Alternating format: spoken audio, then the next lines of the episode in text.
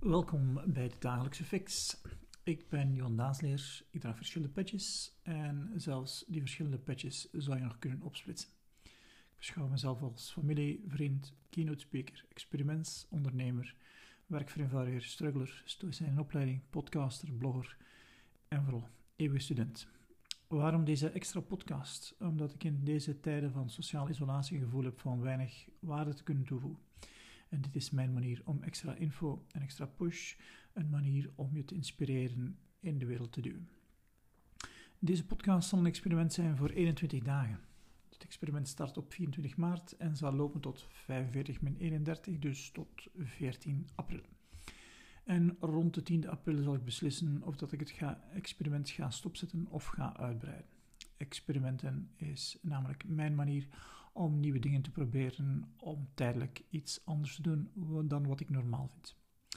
Dagelijks neem ik een podcast op van een tiental minuten waarin ik iets zal vertellen wat mij helpt om door verschillende struggles te gaan. Tijdelijke struggles, meer permanente struggles, uh, nieuwe zaken die ik niet zelf koos, zelfs dingen die niet op het verlanglijstje stonden. Sommige van mijn experimenten zijn zelf gekozen, zoals deze podcast. Het zal een soort report zijn van hacks, tips, tricks om een, uh, met een groot woord het leven om te gaan. Om stap voor stap beter te worden. Deze podcast belooft niet om je volledige potentieel te ontwikkelen. Ik beloof je wel trucs die ik gebruik om met het leven om te gaan. Ik zal ook rapporteren over het met ons gaat. Transparant, dat is een van de keywoorden die ik graag gebruik. Het is niet dat ik zoveel antwoorden heb, maar ik probeer veel dingen en af en toe is er iets dat lukt. Waarschijnlijk zullen er meer vragen zijn dan antwoorden, maar ook dat doet me denken aan een song uit, um, van, uh, van Savatage, Somewhere in Time. Perhaps God gave the answers to those with nothing to say.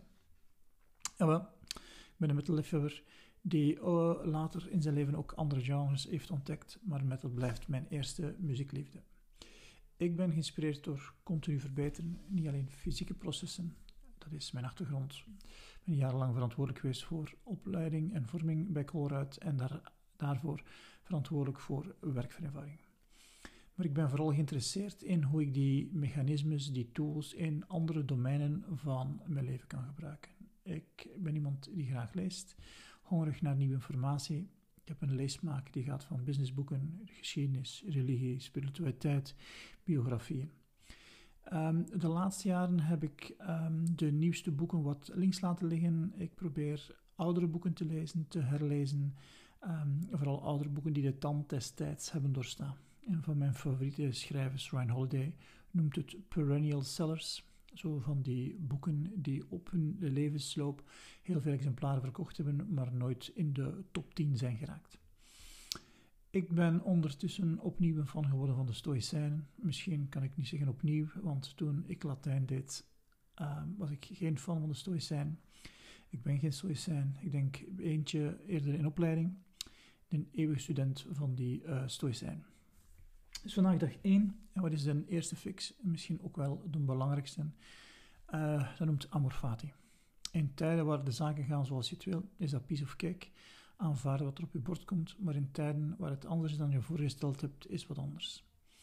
Andere woorden daarvoor zijn ook radicale aanvaarding. Onvoorwaardelijk contentement vind ik nog een betere omschrijving. En uh, de uitspraak komt van Nietzsche, maar het concept is van de Stoïcijn. En dat is wel grappig, want Nietzsche had helemaal niks met de Stoïcijn. Nietzsche, had een uitspraak, en ik quote: Mijn formule voor menselijke waardigheid is amor fati. Dat je niets anders wilt niet in de toekomst, niet in het verleden, niet voor de eeuwigheid. Niet alleen om te accepteren wat het nodig is, nog minder om het te verbergen. Al het idealisme is onechtheid in het licht van de realiteit noodzakelijk, maar om het lief te hebben. Dus je aanvaardt de realiteit zoals ze is, je wil ze niet anders maken. Epictetus, een van de drie bekendste Stoïcijnen, dus naast Marcus Aurelius en Seneca, verwoordde het anders. Probeer niet de dingen te laten gebeuren zoals je wilt, maar wens dat wat er gebeurt, gebeurt zoals het gebeurt. Dan zul je gelukkig zijn. Ik denk dat het een van onze menselijke neigingen is om eerst weerstand te hebben bij dingen die uh, niet gebeuren zoals ze uh, graag zou willen dat ze gebeuren. Het doet me een beetje denken aan de rouwkur van Kubler-Ross, waar er een, een, een, aantal stappen zijn die, uh, die gaan van ontkenning, kwaadheid, onderhandelen, depressie en accepteren. En Amorfati zegt van, hoe kunnen we nu een soort snelle stap gaan van de ontkenning naar het accepteren? ik denk dat die er altijd is. Er zijn zo'n aantal heel mooie verhalen van uh, Amorfati en het mooiste verhaal vind ik zelf van Edison. Edison is uit 70 jaar oud en um, op een avond is hij aan het zitten en um, iemand komt bij hem langs om te zeggen dat zijn laboratorium in brand staat. Edison en zijn zoon gaan snel naar het laboratorium, de brandweer is al, en ze zien van dit gaat niet worden, uh, dit is verloren. Maar door de producten die in het laboratorium zijn van uh, Edison, zijn het ongelooflijk mooie vlammen. En Edison zegt tegen zijn zoon, ga je moeder en haar vriendin halen, want zo'n brand gaan ze nog nooit gezien hebben. De volgende dag gaat Edison bij Ford langs en leent een miljoen. En um, herbouwde op, 70, op zijn 70 zijn laboratorium helemaal opnieuw. Een ander mooi voorbeeld komt dan uit de film is Groundhog uh, Day, um, waarin het hoofdpersonage elke dag opnieuw herbeleeft. En op een bepaald moment begint hij dat te gebruiken om constant beter te worden.